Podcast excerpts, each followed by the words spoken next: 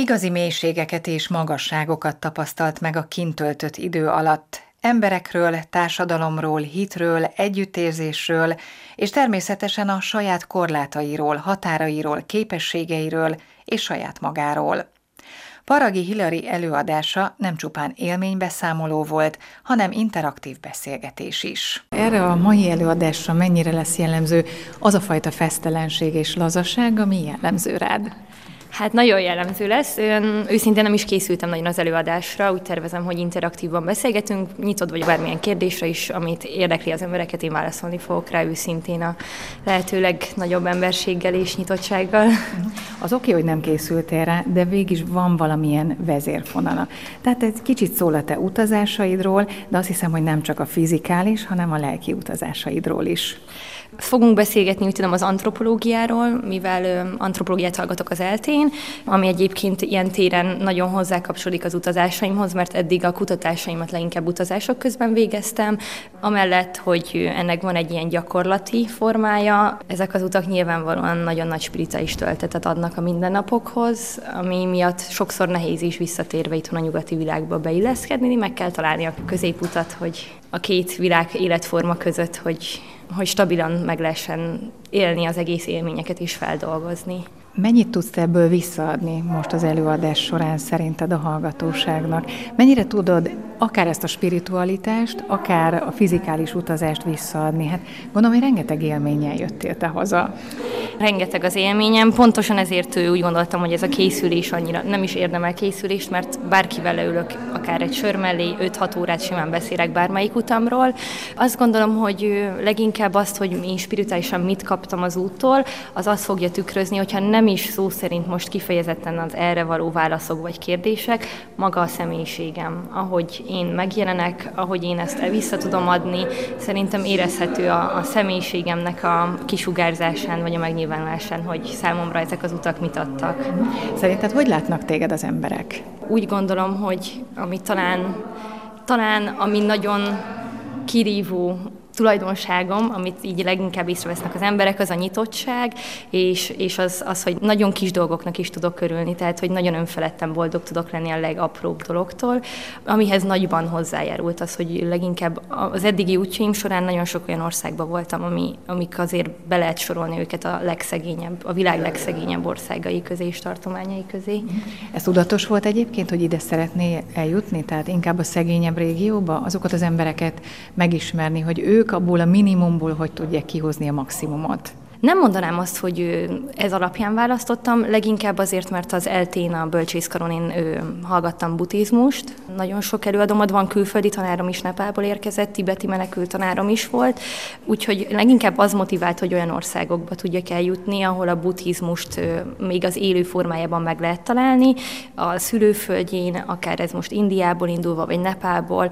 A legtöbb kutatásomat ezekben az országokban a buddhista kolostorokban végeztem, tehát a szerzeteseknek embereknek az életére voltam kíváncsi, magára a filozófiára, a hétköznapokban ők hogy tudják megélni a vallási identitásukat, és ez miatt inkább azt mondanám, hogy a buddhizmus volt az elsődleges választás, olyan célországot találni, ahol a buddhizmus virágzik még most is. Segített egyébként letisztulni benne sok mindent? Az első utam, ami, ami Kínában volt, úgymond Európából kint, tehát hogy amit Európán kívüli utam volt, az Kína volt, és itt a, egy kolostorban laktam több mint egy hónapot. A hétköznapjait éltem a szerzeteseknek, és azért azt, azt tudni kell, hogy ők a tudatosság magas fokán vannak. Nekem nagyon sok problémám volt, a nem magánéleti, hanem magában személyiségemből adódó probléma. Nagyon sokat elhagyom a cuccaimat, nincsenek meg, nem tudom, hova raktam, annyi élet szintéren nyilvánulok meg is vagyok jelen, munka, iskola, otthon, a családban segíteni, hogy, hogy ez azért azt mondom, megterhelő tud lenni.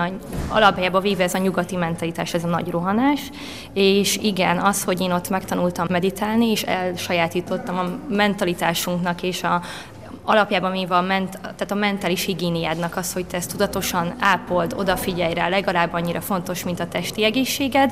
Tehát, hogy ezek után én azt tudom elmondani, hogy számomra nagyon-nagyon sokat segített, úgy érzem, hogy a személyiségem nagyon sokat, sokkal higgadtabb lettem, sokkal tudatosabban állok hozzá a dolgaimhoz, sokkal könnyebben össze tudom szervezni a programjaimat, a hétköznapjaimat, a munkámat, és azt mondom, hogy még így is, amellett, hogy nagyon sok mindent végzek egyszerre, és nagyon sok mindent csinálok egyszerre, sokkal higgadtabban és tudatosabban tudok hozzáállni a, a, a dolgokhoz.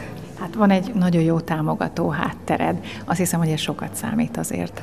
Igen, családom az, az rendkívül mellettem áll. Anyukám, ő, ő is elkezdett utazni a, utána, miután az első élményekkel hazatértem, ő is ő, úgymond merészen neki ment ilyen 40 év fölött elindulni nyelvtudás nélkül Ázsiában. Apa az kicsit fogna vissza, hogy többet legyek itthon, de ő is teljes mértékben százszerékosan elfogadja a döntésemet, és mindenben támogat. Úgyhogy most terven van egy nagyobb utam, amire jönnek ki majd a szüleim meglátogatni, azt beszéltük meg, hogy, hogy apa is most nagyobb repülést bevállal ezért.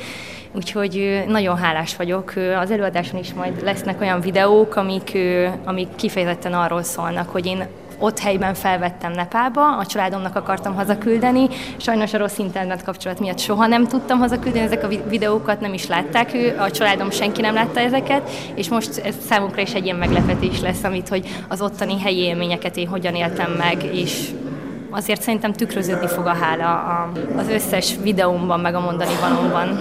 Mert azt mondtad, hogy fognának vissza, édesapát főleg fogna vissza, de aztán mégis elenged nagyon hosszú időre. Itt nagyon jól jön ki az, hogy, hogy az a nagyon régi mondás, hogy, hogy a gyereknek adok gyökereket, aztán meg szárnyakat, és ezt te tökéletesen megkaptad a szüleittől.